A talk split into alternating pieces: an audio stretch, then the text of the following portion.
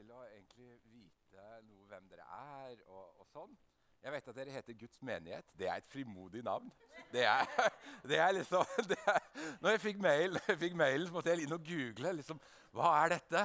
Hva, altså, jeg er, jeg er, rundt omkring og, og, opplever det aller meste ifra, ifra indre Troms, liksom inni Lyngen, hvor det er læstedianere, hvor du må ha du må ha helst skjorte, og den må være knept helt opp, og den må være nede i buksa. Hvis ikke så blir det så mye støy, for det er vanskelig å høre hva jeg sier da. hvis det er, liksom er helt ut forbi formen. Uh, inn i ganske, ganske, liberale egentlig, kirkelige miljøer, hvor jeg, hvor jeg, går på veldig tynn is. Men uh, vet du hva? jeg opplever meg veldig trygg her. Det er uh, flott, Det var veldig bra det jeg fant altså, da jeg begynte å google. det, det, skremte meg ikke i det hele tatt. Og så skjønte jeg at min gode venn Daniel Sebjørnsen var her nettopp, uh, som jeg jobber med. Uh, og, og, det er jo det er noe med å, å komme en plass hvor uh, en har liksom litt sånn gjenkjennbare ting. Vi, vi prata litt sånn løst i bilen. at jeg, sa, jeg, er jo de, altså jeg er født i 1972, så jeg, jeg begynner jo å bli voksen. Um, og det betyr at jeg er lidenskapelig og kanskje litt sånn nevrotisk opptatt av ved. Og, og jeg så jo mye fin ved på veien opp her. Altså, Jeg så ved som var ferdig kløyvd. Hvit, rein og pen ved. Nydelig ved. Klar til å bli lødd opp og ligge kanskje og tørke. Altså, Den lå bare og lufta seg. Det er godt den blåser av seg litt. Og jeg er kommet og der i livet at jeg, jeg, blir jo 50 år i år, og da ønsker jeg meg en, en helt spesiell øks som er smidd på en smie i Furusdal. Uh, for jeg driver og leser om, om grind, grindabygg og, og, den type. Ikke sant? Jeg er liksom der at nå har jeg lyst til å gjøre det. Og jeg har, eh, jeg har en, en, deal om å være avløser en gang eh, i løpet av høsten. Og da, da, skal, da er liksom da avtalen eh, som eh, jeg tenker kommer til å gå fint i boks, at jeg får ta ut det jeg trenger for å lage dette grindabygget mitt, som skal være på hytta på fjellet. Ok, nok om meg. Jeg, jeg tenker bare, Dere skal få litt innblikk i hva jeg er, og hvem jeg er, og liksom litt sånn hvordan jeg tenker når jeg kjører opp Fyrres, nei, Fyrresdal opp til, eh, til Vegårshei. Jeg er gift med Elisabeth. Og det har jeg vært siden 1991. Og, og det betyr at jeg var 19 år. Uh, hun var 18 år. Lite visste vi den gangen. Uh, det er mange samtaler vi, uh, vi, nok hadde hatt godt av å ha sammen, som vi ikke hadde. Som vi hadde seinere i, i, i, ekteskapet vårt, som nå er over 30 år gammelt. faktisk. Hun er for tiden i Israel på en tur sammen med pensjonister. Og hun har fått en egen caps og hun skrev til meg i går hun hører bare mine syrlige kommentarer. Liksom. Det er derfor hun reiser aleine på en sånn tur.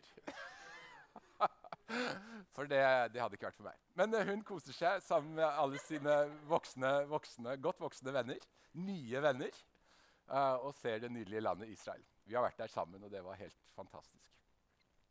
Vi har fire barn. Uh, to av de er gifte.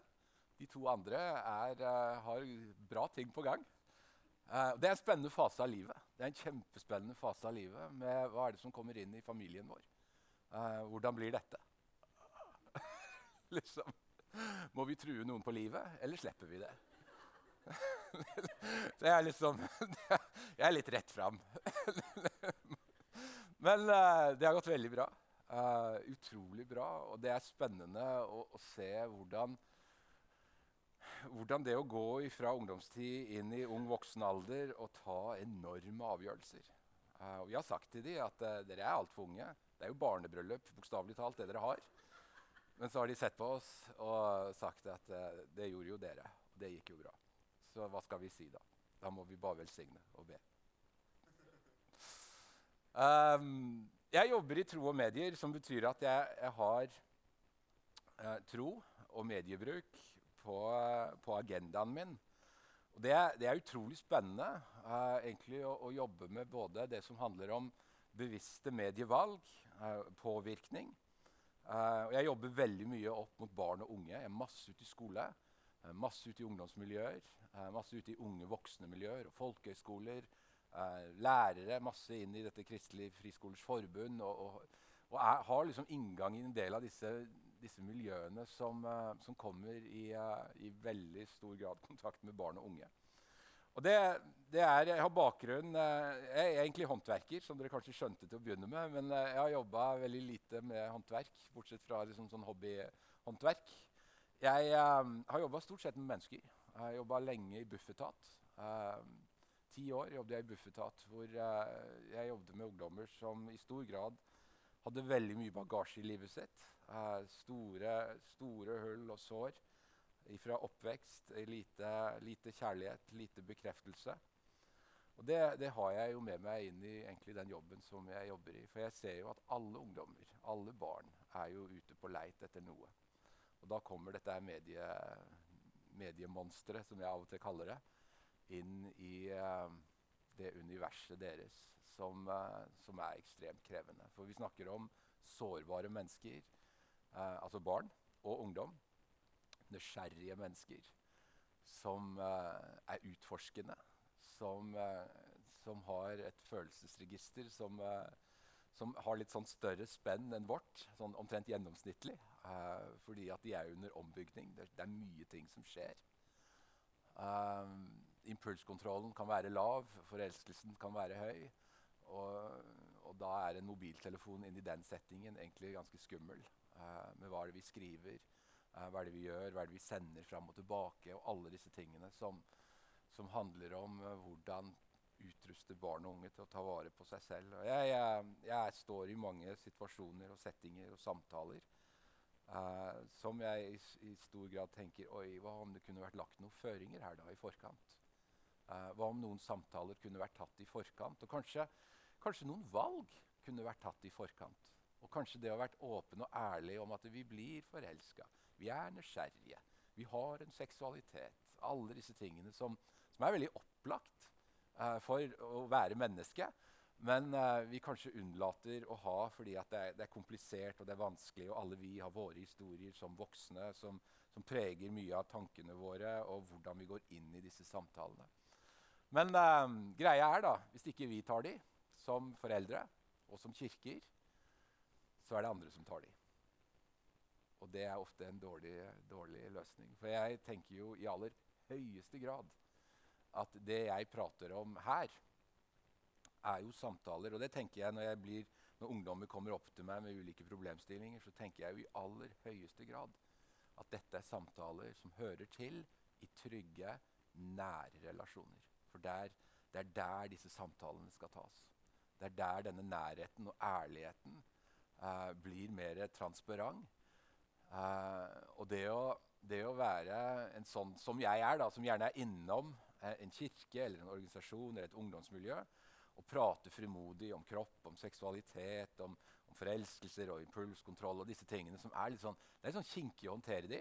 Det gjør jeg med stor frimodighet. Men så er jeg jo et menneske, et helt menneske som veit at dette, dette, er krevende i nære relasjoner. Altså det, er, eh, det, er, utfordrende å sette seg ned og liksom, og ha noen tanker om hvordan skal vi snakke om dette.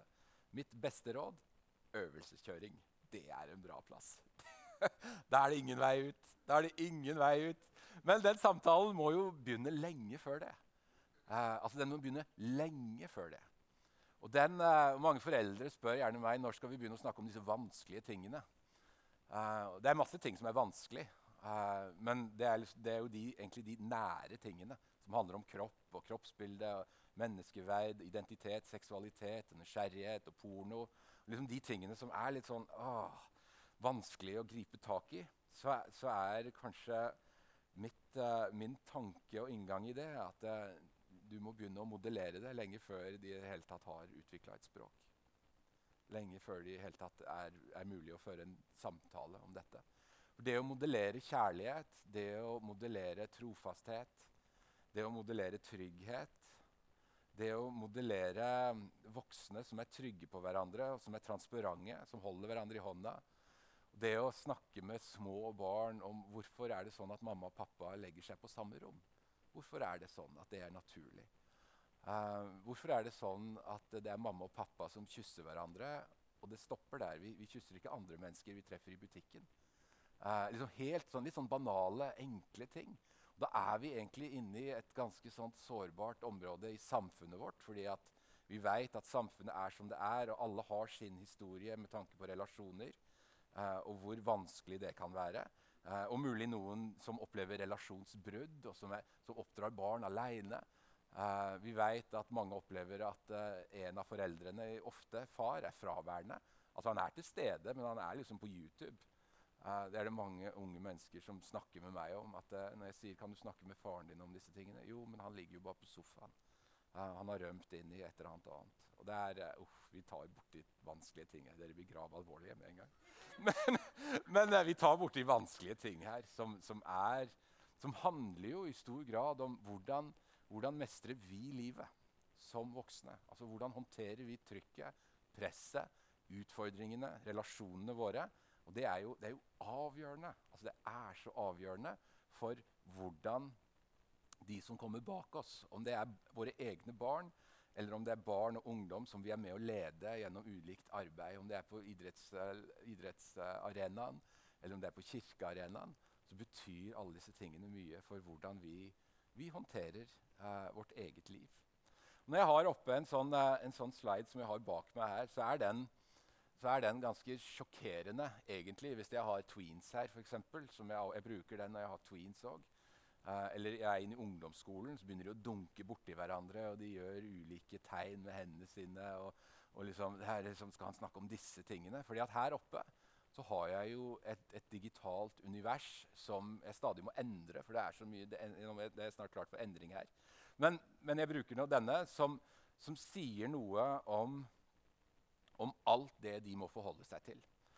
Og for meg, da, som, som er voksen, som har, har måttet lært meg til å forholde meg til denne verden. Eh, jeg er jo ikke født inn i den. Altså, det er jo ulikt aldersgruppe i denne gruppen her. Men, men, det er jo ingen av oss som er født inn i den på den måten som et barn er i dag.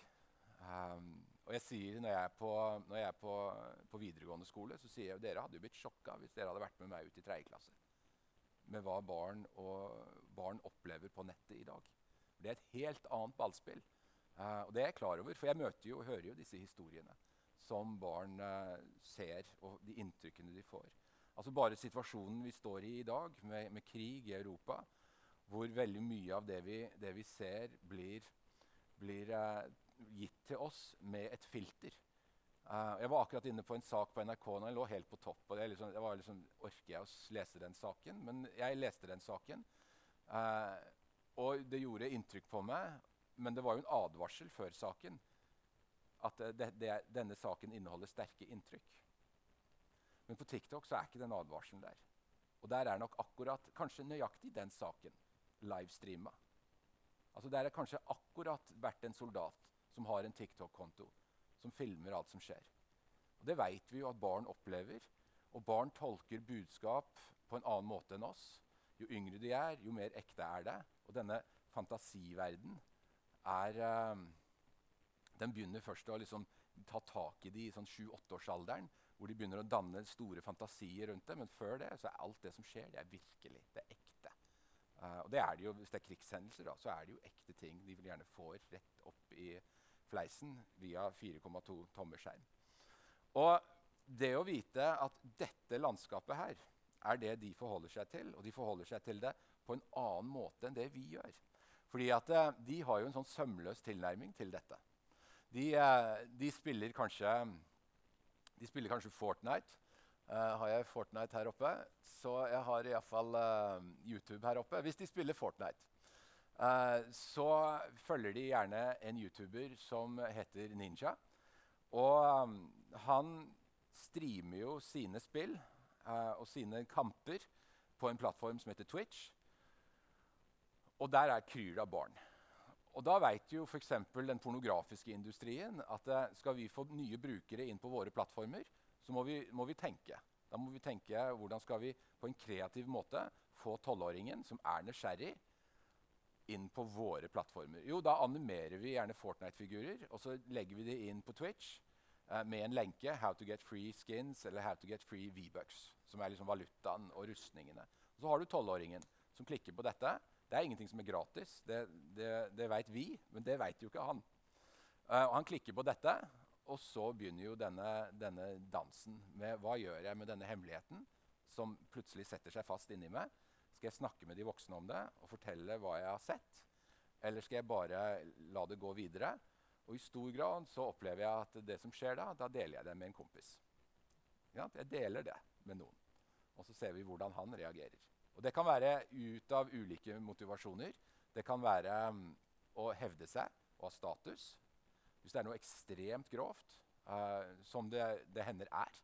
Uh, jeg var i en tredjeklasse for en tid tilbake hvor det var en, som, nei, en, mann som penetrerte en kylling med penisen sin, som gikk på rundgang i denne tredjeklassen. Ekstremt, ekstremt grov uh, pornografi som omhandler dyr og mennesker som var helt tilfeldig bare dukket opp i en eller annen feed, og så begynte det å deles rundt i klassen. Dere ser helt sjokkerte ut, og det, er, det, har dere god grunn til. For dette er jo den virkeligheten som i stor grad veldig mange barn og unge blir eksponert for.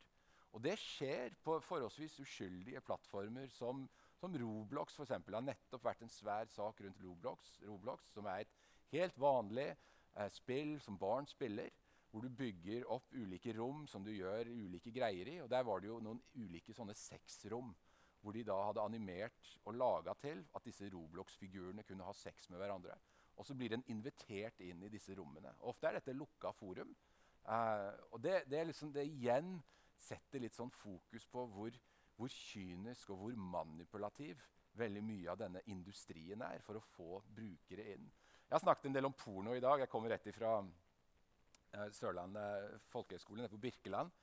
Og Vi snakket om menneskehandel og moderne slaveri. og Det ligger jo flere saker ute nå, både internasjonalt og i NRK, hvor de snakker om disse menneskene, bakmennene, da, ofte menn på min alder, som står på grensen i Moldovia, eh, i Polen, med grenseovergangene og tar imot med åpne armer disse unge, sårbare kvinnene som kommer over grensen. Som gjerne har ingenting bortsett fra en bærepose i håndene og tilbyr telefon, 1000 dollar og transport mot at du er med i denne filmen. Og Der, der starter jo liksom dette trafficking-marerittet for mange. Og det er, det er, så vanskelig og det er så vondt og det er så ubehagelig å forholde seg til dette at i stor grad så unngår vi det. Altså I stor grad så bare Vi orker ikke ta i det, fordi at dette, dette, er, så, dette er, så, avgrunn og det er så, det er så fortapelse at det, er, det er noe vi liksom ikke orker å forholde oss til. Men når jeg reiser rundt, da, land og strand, rundt omkring i det store, vide landet vårt og snakker med ungdommer om disse tingene eh, Kanskje ikke så direkte som jeg gjør nå, for nå har jeg ikke som veldig, nå, nå, noe av filteret detter av her. Eh, men eh, når jeg snakker om disse tingene og åpner opp disse, disse spørsmålene, så, så, møter jeg jo respons. Og jeg møter historier og samtaler eh, og spørsmål som i stor grad kommer ut av denne avgrunnen. Eh, det, er, det, er liksom, det, er, det, er, mye av det som driver meg eh, til å kunne bygge en bedre historie, en annen fortelling. For hva er sant om kroppen vår? Hva er sant om seksualiteten vår? Hva er sant om menneskeverdet vårt? Og det er jo behagelig å snakke om med, med liksom det kristne verdensbildet som jeg drar med meg inn i dette. Og Der tenker jeg at vi som voksne, vi som foreldre, vi som ledere, kan gjøre det med stor frimodighet. Uh, enorm frimodighet. Fordi hvis ikke vi gjør det, så er det ingen som gjør det. Og da er det en annen fortelling. Da er det, da er det YouTube eller det TikTok eller det er pornografi uh, eller en annen plattform som, som i stor grad disippelgjør. Uh, det er jo det egentlig ordet som det dreier seg om her. Som disippelgjør barn og unge på dette området. Og det, um, det skremmer meg. Det skremmer meg, men um, det gjør meg òg ganske ganske frimodig i møte med dette. Jeg jobber jo i Tro og medier, hvor vi, hvor vi håndterer disse tingene som handler om og, og, bruker det som en inngang. Altså godhet og sannhet og tro. Og Det er de tre elementene som er veldig sånn bærende inn i denne samtalen. Og når jeg snakker til dere som, som foreldre, eh, som, som, gjerne er de som står nærmest, som skal modulere både godhet, sannhet og tro, inn i livet deres for å legge til rette for at de tar, eh, at de tar valg basert på hva de, hva de veit eh, om, om, om, kroppen, hva de veit om seksualiteten, hva de veit om kanskje først og fremst Gud. Ja, da stiller det jo kanskje noen, noen krav til oss som er litt sånn, det virker litt sånn uoverkommelig. Uh, uoverkommelig. Og mange, mange, voksne opplever nok å sitte med den følelsen at jeg henger ikke med. Jeg klarer ikke å følge med. Jeg klarer ikke å følge med. Det er, det er umulig å følge med. For dette bytter og endrer seg fra plattform til plattform. Og det er, det, er liksom, det er, stadig overraskelser i dette landskapet. Men uh, det handler om dypere ting. Det handler om dypere ting. Det handler om hvordan skal vi uh, kunne møte behov? Uh, hvordan skal vi kunne møte nysgjerrighet? Og hvilken grunnfortelling er det de trenger å ha med seg i livet sitt? For å, for å håndtere fristelse, for å håndtere nysgjerrighet, for å håndtere forelskelse og impulskontroll og de tingene som, som er vanskelig å, å, å håndtere eh, i denne fasen av livet. Og da, da, er Det jo sånn at det å ha en bevissthet om at dette landskapet er drevet av to ting, som uh, er da penger, hvorav da annonseinntekter er jo det som er avgjørende. Og hvor lenge en blir inne på den ulike plattformen, og hva en laster ned. Da er det jo, er det jo penger som liksom driver uh, hele den maskineriet. Men for å få mennesket til å stoppe opp, så jo, har jo sex vært uh, veldig, veldig, veldig lenge måten å få mennesket til å stoppe opp og bli nysgjerrig. Altså Om du skal selge Cola Zero eller om du skal selge den nye Leafen, så, så er jo seksualitet det som definitivt får mennesket til å, til å reagere og respondere. Og sånn er jo f.eks.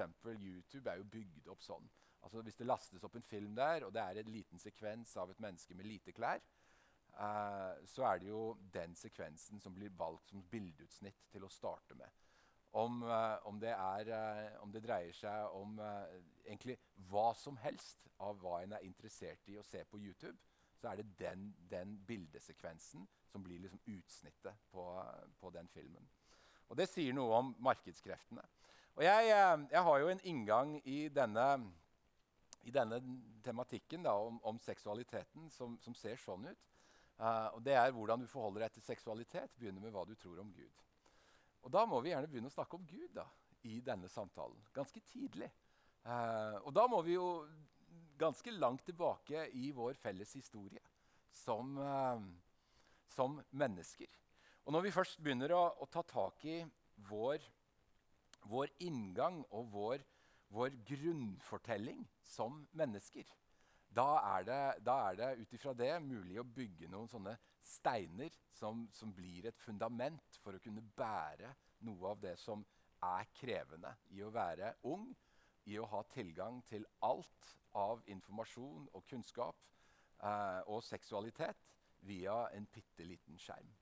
Og jeg, jeg, møter jo ungdommer i dag, og jeg tenker tilbake på min oppvekst på 80-tallet. Uh, hvor, hvor, ting så helt annerledes ut. Altså, jeg vokste jo opp i en verden hvor det var sladd i pornoblader. Uh, og hvis det hele tatt var et pornoblad, så var det et blad som gikk på rundgang i kameratflokken. Det var liksom på det nivået. Og det å være klar over at verden ser veldig annerledes ut i dag uh, Veldig annerledes ut i dag, hvor det er oppsøkende. Altså Dette er så oppsøkende. Jeg snakket med en gutt her om dagen fjerde klasse. Han hadde lasta ned et gratis spill. Igjen gratis spill. Takka ja til hva du takker ja til. Samme som vi takker ja til, stort sett. For å komme videre inn på der vi vil. Og så begynte denne filmen å rulle. Og jeg spurte han, ja, hva gjorde du da? Hvordan håndterte du det? Jeg løp til pappa, sa han. Jeg løp til pappa. Fantastisk, tenkte jeg. Fantastisk. Han eksa ikke ut, han prøvde ikke noen ting. Han, han løp til pappa. Ja, hva gjorde han da? Han fiksa det, sa han. det er liksom, jeg tenker, å, Tenk om alle barn hadde den tryggheten i seg. Altså, og Jeg snakker en del om hemmeligheter, og hva er gode hemmeligheter og hva er vanskelige hemmeligheter.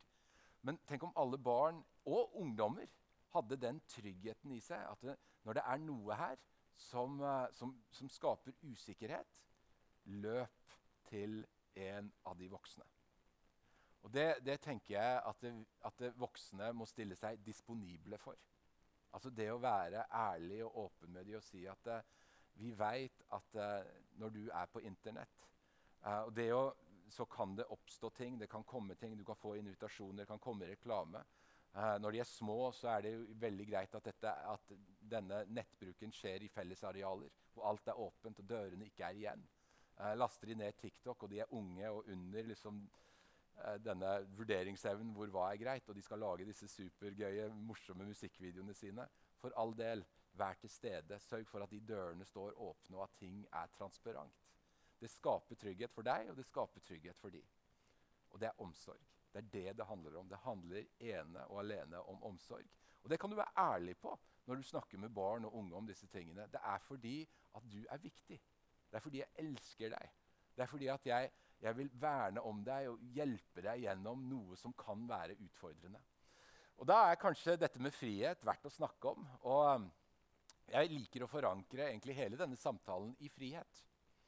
For Det er en god plass å begynne, for vi er så redd for friheten vår. Ingen må ta, Jeg må ha mitt, uh, min, jeg har rett til privatliv.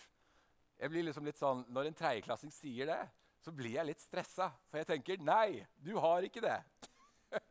Du har ikke rett på et privatliv. Du skal være transparent, tenker jeg. Men jeg, er ikke så direkte, da. Men jeg sier det her til dere.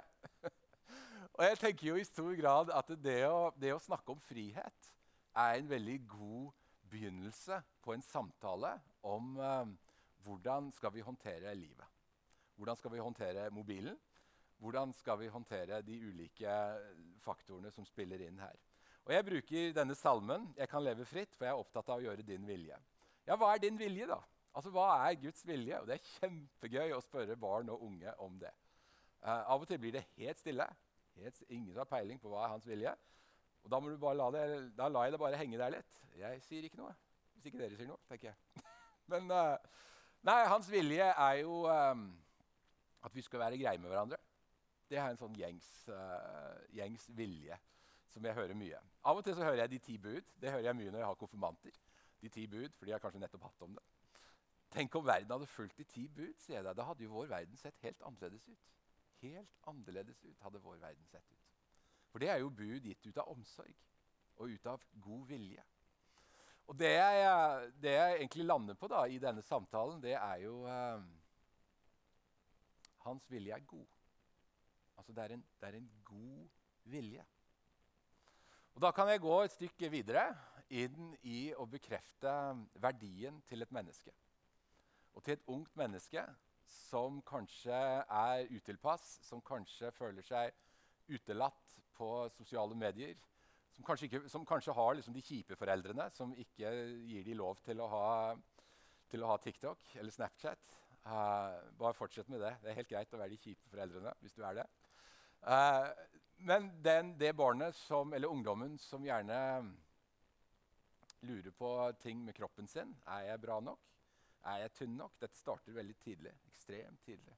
Eh, langt ned i barneskolen så starter disse, disse, tankene. Det å bekrefte et menneske sitt verdi, der har vi en historie å formidle. Og Jeg begynner ofte med Jeg forteller alltid, jeg pleier å bruke det som inngang. Det mulig jeg gjør det i kveld også. Og jeg sier, og jeg, Hvis jeg har konfirmanter, så sier jeg for 15 år siden så var det to mennesker som kledde seg nakne og hadde sex. Og her sitter du, sier jeg til dem. Og da blir det, da får de, da får de liksom, da får de masse bilder i hodet, og så sier jeg bare 'Rist av dere! Rist av dere!' og, så, og, så sier jeg, og så tar jeg liksom, jeg åpner opp det rommet litt og sier at det er, det er andre måter mennesker kommer til verden i dag. Vi veit det. Men dette er, dette er stort sett så har dette vært måten mennesker har kommet til verden i all fortid og i all framtid. Det, det, er det som skjer. Og så begynner jeg å snakke om sædcellen, og de 350 sædcellene. begynner jeg å snakke om. Og Da setter vi litt perspektiv på det. Og Jeg snakker om dette ene egget som liksom er modent, som er klart for å ta imot. Og, um, og, så, og så snakker jeg om denne sammensmeltningen. Og så snakker jeg om Guds skapende, elskende vilje bak at det blei akkurat deg. At det er, en, det er en vilje bak at du sitter her. Det er Guds gode vilje. Og den viljen, altså den godheten, den er før vi føler, og den er før vi erfarer. Og det er litt sånn spennende rent sånn teologisk å vri hodet rundt dette. Så bør det egentlig være ganske greit. For salmene er jo fulle av disse, disse ordene eh, om før du ble til, før du ble unnfanget.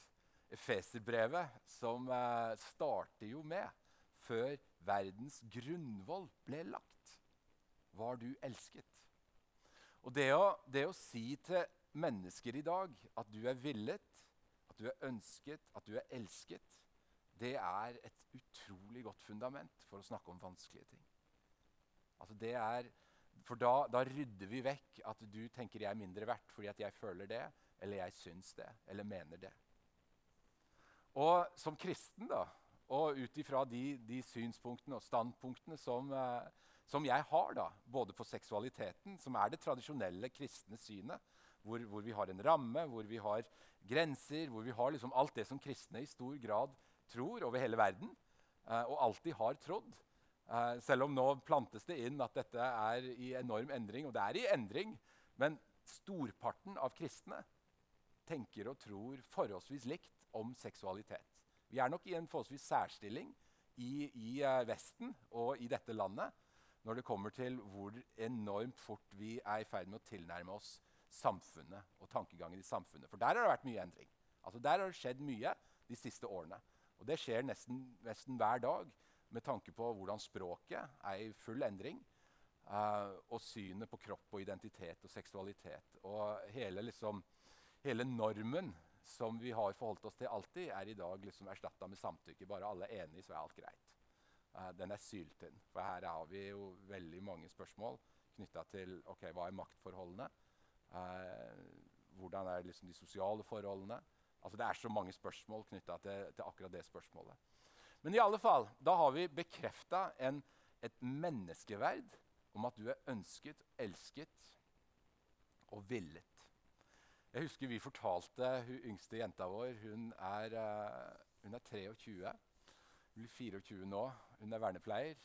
Og um, vi fortalte henne Hun var en nysgjerrig uh, liten jente. Og Hun lurte veldig på hvordan hun var blitt til. Og vi, meg og Lisbeth vi liksom Ok, vi får bare fortelle henne det. Hun var ganske ung. Jeg husker ikke hvor ung hun var, men hun var liten. Uh, vi får fortelle henne det uh, fordi vi har lyst til å eie den historien. For hun er så nysgjerrig at hun eh, har i seg å oppsøke det en annen plass. Spørre noen andre. Og da har ikke vi kontroll på den historien. For den eh, historien den har vi lyst til å fortelle henne. Så vi fortalte henne. Hun så på oss med avsky i blikket sitt i flere dager.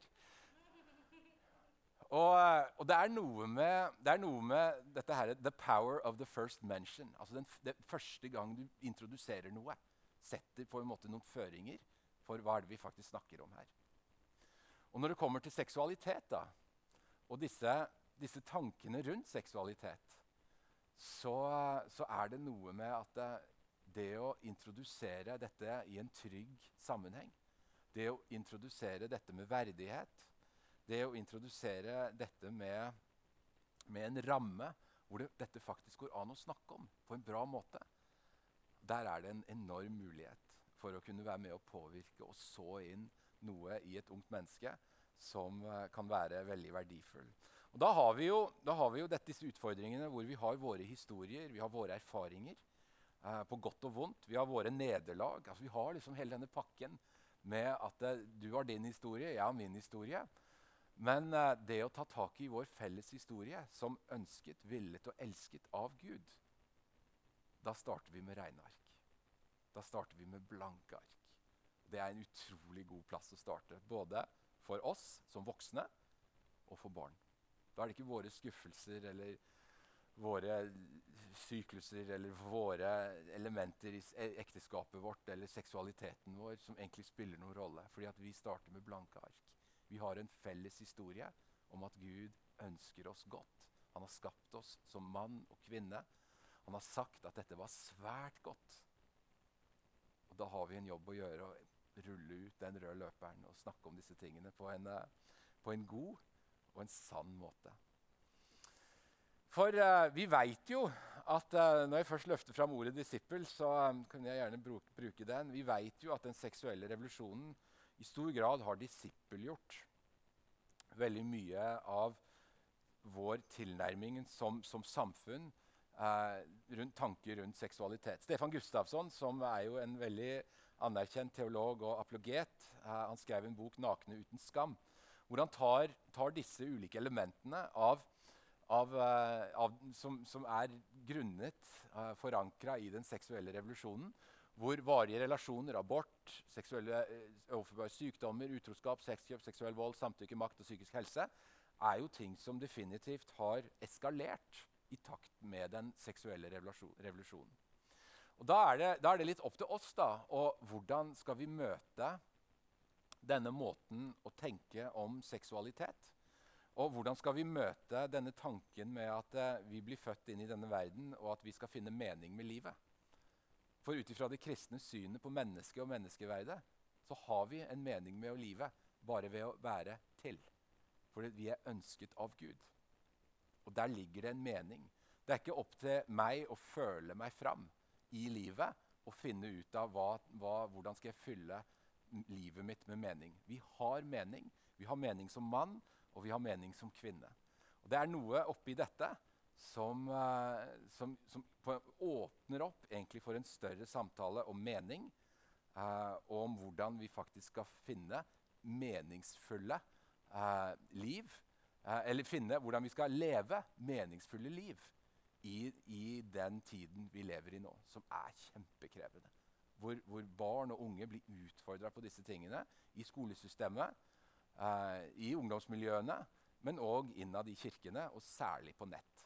Da må vi gjerne se litt på hva er det som, er det som koker inne på nettet.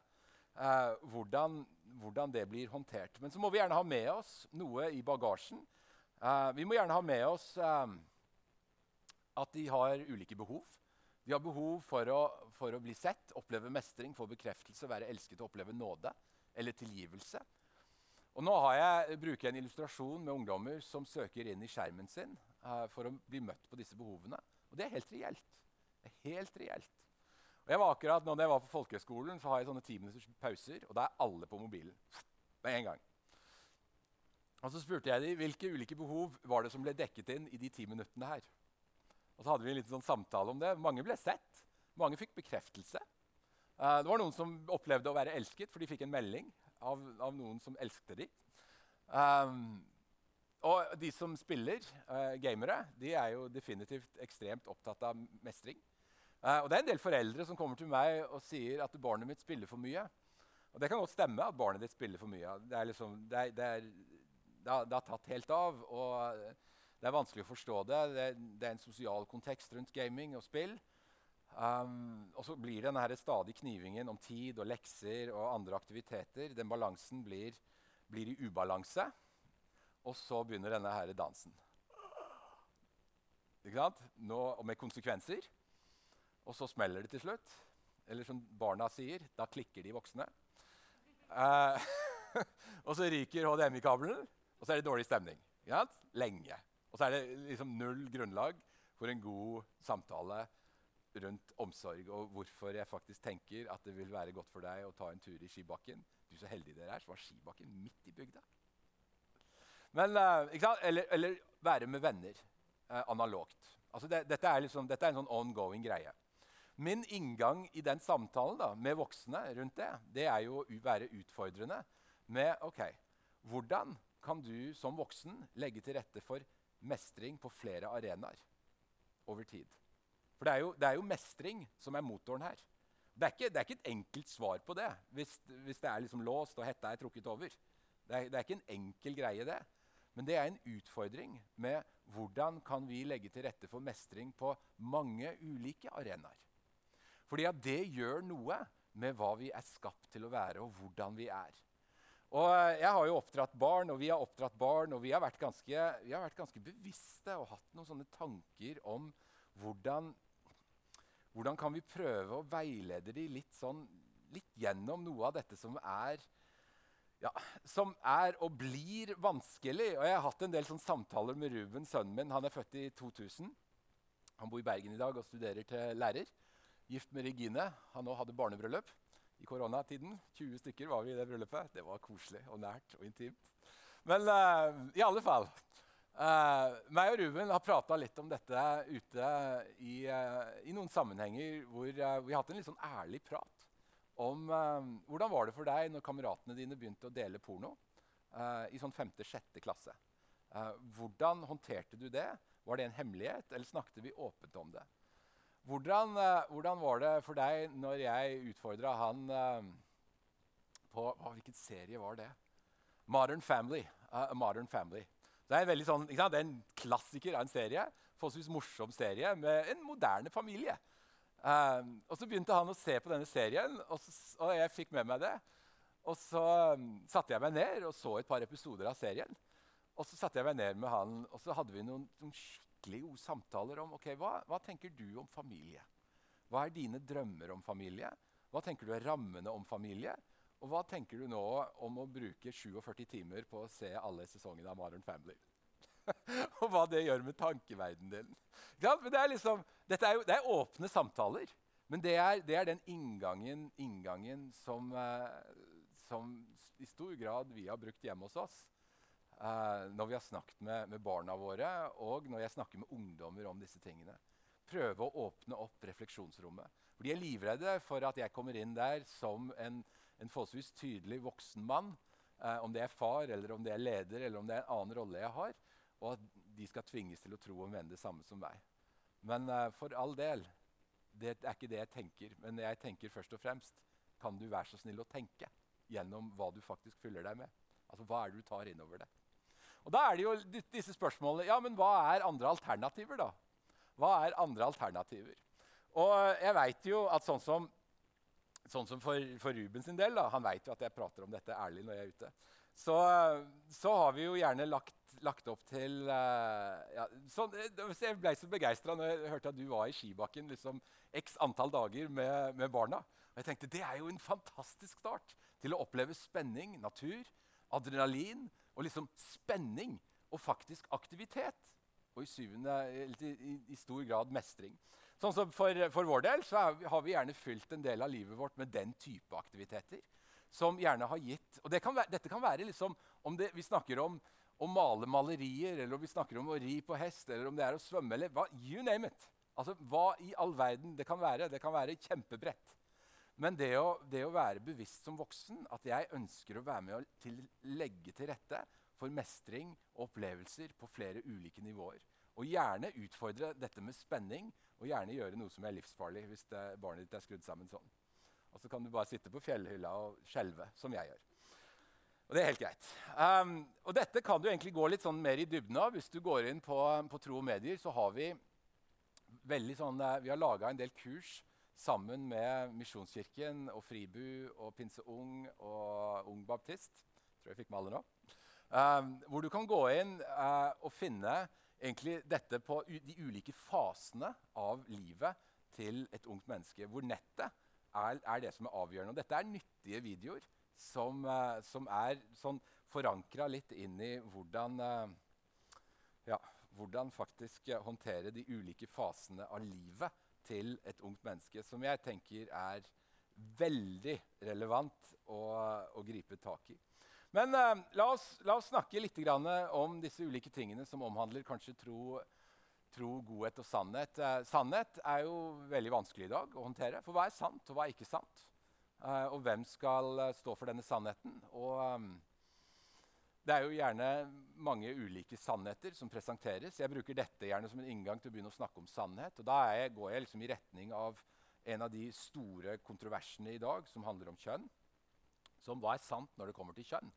Uh, hvis du snakker med en biolog i dag, som jeg syns er spennende, og en fagperson, så er, jo, så er jo svaret, og det er det jo enighet om, at alt som er kjønnet, som forplanter seg, da har vi mann og kvinne. Det er det vi har. That's it. Det fins ikke annet. Vi har jo ulike mutasjoner og, genetikk som, eh, som, er liksom, som, er en del av naturen, men vi har han og hun. Det, det, er det vi har. Det er sånn jeg liksom har tatt til meg den kunnskapen. Men uh, jeg har jo lest dette ut ifra fagfolk som faktisk tror det. Men det er ikke problem å finne biologer som sier noe annet. Som kludrer til hele det landskapet her. Det er ikke vanskelig i det hele tatt. Det, det er liksom et raskt søk på nett, så finner du det.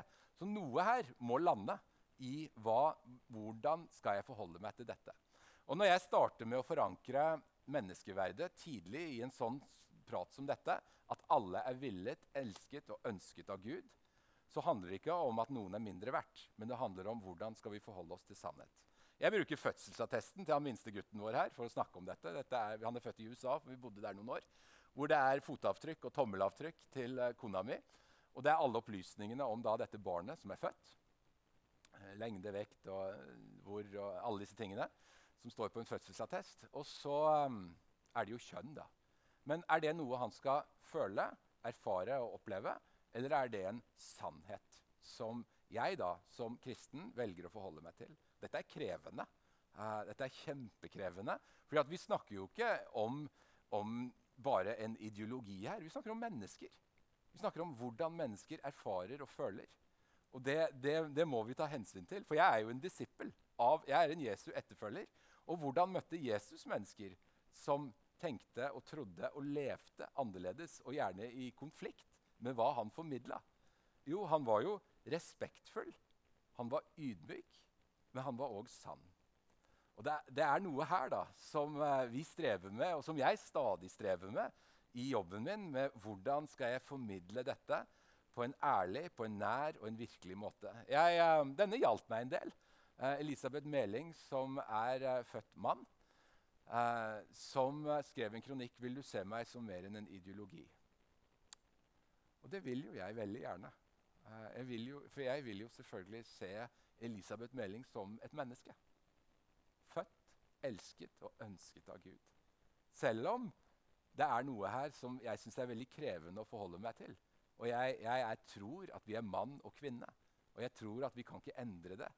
Og ut ifra biologien så, så, kan vi ikke det. Men jeg må tilnærme meg da denne over et måltid med Elisabeth Meling. Og det er, det er sånn jeg tenker om dette, og det er sånn jeg Les gjerne den kronikken. Uh, det er sånn jeg òg tilnærmer meg dette når jeg snakker gjerne med unge mennesker. Og jeg møter unge mennesker. Uh, unge mennesker som er i konflikt med sin egen kropp. Og det å anerkjenne at dette er smertefullt, at dette er krevende, det, det trenger jeg å gjøre. Men uh, jeg har òg en overbevisning og en grunnfortelling som er forankra inn i skapelsesfortellingen om at vi er elsket, villet og ønsket av Gud, og at vi er mann og kvinne. Og at det er det han tilførte dette denne skaperverket. Som dere får med dere her, så, jo, eh, så, går jeg jo opp i de store spørsmålene og ikke ned i TikTok-landskapet. For det er de store spørsmålene som faktisk gjelder her. Uh, altså det, er de, det, er de, svære tingene som står på spill. Uh, det er her det er bevegelse. Hva som, uh, hva som, kommer via disse ulike plattformene, det, det er litt sånn Jo, det er litt sånn utslagsvis litt forskjellig. Men det er noe med hvordan, hvordan vi eh, faktisk forteller den kristne historien om samliv og kjønn, som, uh, som, er avgjørende i hvordan da barna faktisk velger å håndtere både sin egen nysgjerrighet og sin egen seksualitet. Og da skal jeg si litt, litt kjapt om uh, hvordan jeg går fram når jeg formidler uh, f.eks. For hva, hva er sex. Uh, fordi at Hvis jeg tar sånn uh, kunnskap om eh, hvordan barn og unge i dag tilegner seg kunnskap om seksualitet, så er det via pornografi. Det kan du gå inn og hente ut fra Medietilsynet sine tall. Eller Redd Barna sin glimrende rapport som kom i 2020, som heter 'Et skada bilde på hvordan sex er'. Altså det, er en, det er en tragisk lesning, men det er barn og unge sin opplevelse av hva er sex. Uh, og da hvordan porno har forma hele den verden. Men eh, hvis vi snakker om seksualitet som, eh, som, har elementer i seg med tilknytning Og Når jeg sier til mennesker, unge mennesker i dag at når, når, to mennesker har sex, så sier de med hele kroppen sin at 'jeg vil elske deg'. Det er det kroppen sier. Eh, det er ikke sikkert alltid det skjer, men det er det kroppen sier. Når det ikke skjer, så sier allikevel kroppen 'jeg vil elske deg', og alle hormonene våre som vi ikke styrer. Om det er testosteronet som, som, har en egenskap som vil verne om å beskytte, som ikke er en destruktiv, maskulin, mannlig kraft, men noe som Gud har lagt i mannen. Eller om det er oksytocinen som, som kvinner skiller ut og i stor grad.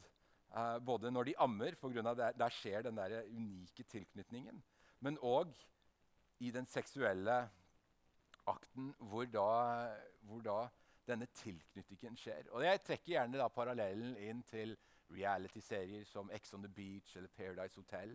For hva er det som skjer her? Jo, det er mennesker som har sex. Eh, hele universet er fullt av eh, ting som er dårlig for mennesket. Altså 100% fokus på det ytre, på skallet vårt, på kroppen. Det er, det er baktalelse, det er ingen ansvar, det er dårlig rytme på søvn, det er rus. Og så krydrer vi det med sex. Og da smeller det. Da blir det jo underholdning. Så det holder. Og målgruppen er unge mennesker. Som da får et bilde av hvordan seksualiteten kan bli brukt. Men den gode historien handler jo om nytelse på et helt annet plan. Det er jo derfor kroppen vår er som den er. Det er derfor vi har erogene soner på kroppen. Det er, derfor, uh, det er derfor huden vår er supersensitiv på de og de områdene. Og de blir, liksom, de blir helt sånn rare i blikket når jeg snakker om dette, 15-16-åringer. Men det å snakke om dette i en trygg setting, hvor, hvor Gud har, har, en, har, en, hensikt altså har en hensikt med at vi er som vi er, da blir det et helt annet ballspill. Fordi det er en trygghet rundt den samtalen. Det er forplantning. Og ut ifra det kristne synet på mennesket så er det jo uh, enhet. Og det skal jeg snakke litt om på søndag hvordan denne enheten og hvordan da denne enheten og seksualiteten i stor grad er jo et bilde uh, på noe som er mye større, som er gjennomgående gjennom hele Bibelen fra start til slutt. Og den røde tråden som, uh, som, vi er kalt til å følge.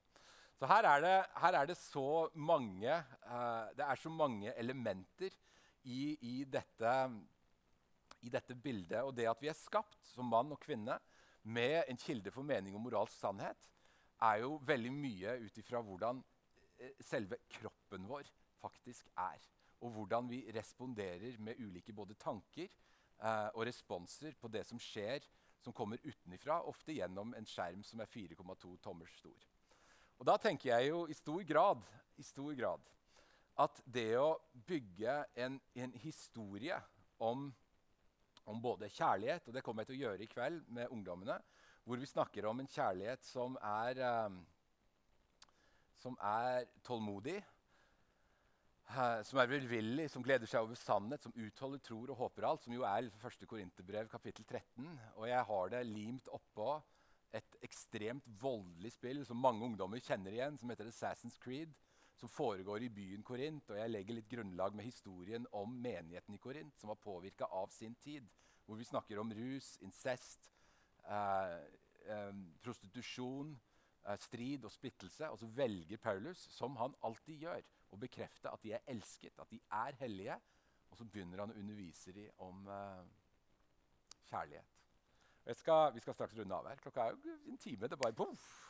Uh, jeg hadde en, uh, en, en historie for en stund siden hvor det var, kommer en ung jente opp til meg som, som sier at kjæresten min Dette er en ung jente, konfirmasjonsalder, som sier at kjæresten min vil ha sex med meg. Og han maser og maser og presser og presser.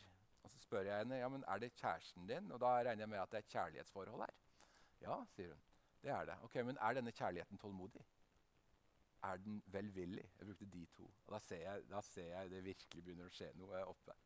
Og Så trekker jeg meg litt tilbake. og Jeg kobler henne med, med en trygg voksen på stedet. Det gjør jeg liksom, det er helt automatikk i det, fordi det er så viktig at disse samtalene foregår i trygge, trygge settinger. Og så sier jeg jeg må få en tilbakemelding. Uh, og Det er derfor jeg kan fortelle denne historien. for jeg får lov å fortelle den. Uh, denne jenta gjorde jo slutt med den kjæresten. Basert, Jeg fikk en mail om det. At det var slutt. Det var over. Uh, og, så, og, så, får jeg en mail om det. Og den beslutningen hun tok, var jo basert på ny kunnskap om kjærlighet. Ikke min kunnskap, men det Paulus underviste om i menigheten i Korint for 2000 år siden. Dette er så relevant, og vi har så mye å fare med, vi har så mye å løpe med når det kommer til hvordan skal den kristne troen være helt avgjørende inn i Minecraft. Altså Hvordan kan vi snakke om mennesket og hele mennesket når vi snakker om disse ulike digitale plattformene som kanskje du hadde forventa å høre mer om. når du kom her. Men det er, de, det er de store, grunnleggende grunnsteinene i disse barna og ungdommene som trenger å være på plass. Skal vi klare å formidle liksom hele, her, hele, det budskapet som jo er omsorg og godhet inn i livet deres. Og så må vi være ærlige på livene våre. Når jeg snakker om det å glede seg over sannhet, når jeg snakker med ungdommer og gjerne unge voksne om akkurat det, så snakker jeg litt om eget liv. Hvordan jeg jobber med ting, hvor det er masse triggere. Uh, det er masse greier jeg må forholde meg til, hvor jeg har satt liksom veldig sånn ærlige og tydelige rammer rundt både min egen nettbruk og hva jeg researcher på, og hvordan jeg researcher ting og får til meg kunnskap. Og at den transparente måten å leve på, som en mann av kjøtt og blod, ja, den gjør jo at den kjærlighetsforhold som jeg lever i, gleder seg. Altså, for det er én pluss én. Det er sånn livet må være. når vi snakker og håndterer disse her nære, sensitive tingene. Kjærlighet som utholder alt, tror og håper alt. Det er så sårbart så det holder å gå inn i den samtalen. For jeg har jo opplevd det, og jeg har blitt påført det. Jeg har opplevd det. Det å, være, det å ta med smerten inn i en samtale om en kjærlighet som er dypere, som er større, som både tror og håper alt. Da har vi virkelig noe å løpe med. Men da må vi, litt sånn som Jesus gjør, da, peke tilbake til vår grunnehistorie. I Matteus 19 så gjør han nettopp det. For Der blir jo dette store spørsmålet reist opp, og fariseerne vil og prøve han på dette med, med skilsmisse og gjengifte. og liksom hele, hele, det spørsmålet. Men Jesus han peker tilbake til grunnfortellingen om mennesket. Har dere ikke lest at ifra begynnelsen? Og Det er gjerne der vi må starte. For uh, både barn og ungdommer, og for oss selv i våre liv. Med hvordan skal vi klare å formidle grunnfortellingen som er sann, som er god, som er villet, som er ønsket, og som er elsket av Gud. Da er vi faktisk i mål akkurat på en time, og jeg liker å holde meg på tida. For det er så nydelig vær ute. Du vil hjem og rake vekk snøen, sikkert. jeg så det var noen som rakte helt opp til snøen når jeg kjørte opp her. Jeg tenkte, De bare venter til den fonda er vekke, så tar de resten. Men er det noe innspill, er det noen spørsmål, er det noen kommentarer, så, så er det veldig åpent for det.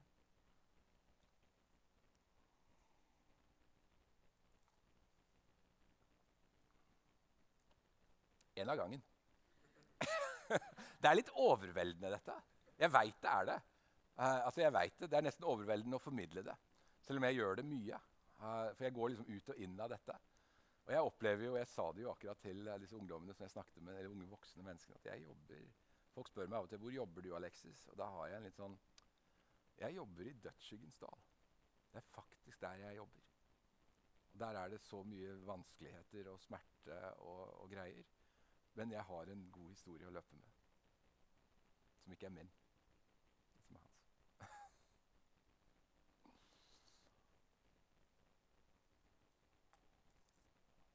Fordøy dette gjerne. Uh, ser ut som dere trenger det. Løp deg gjerne en tur. Kost gjerne tunet.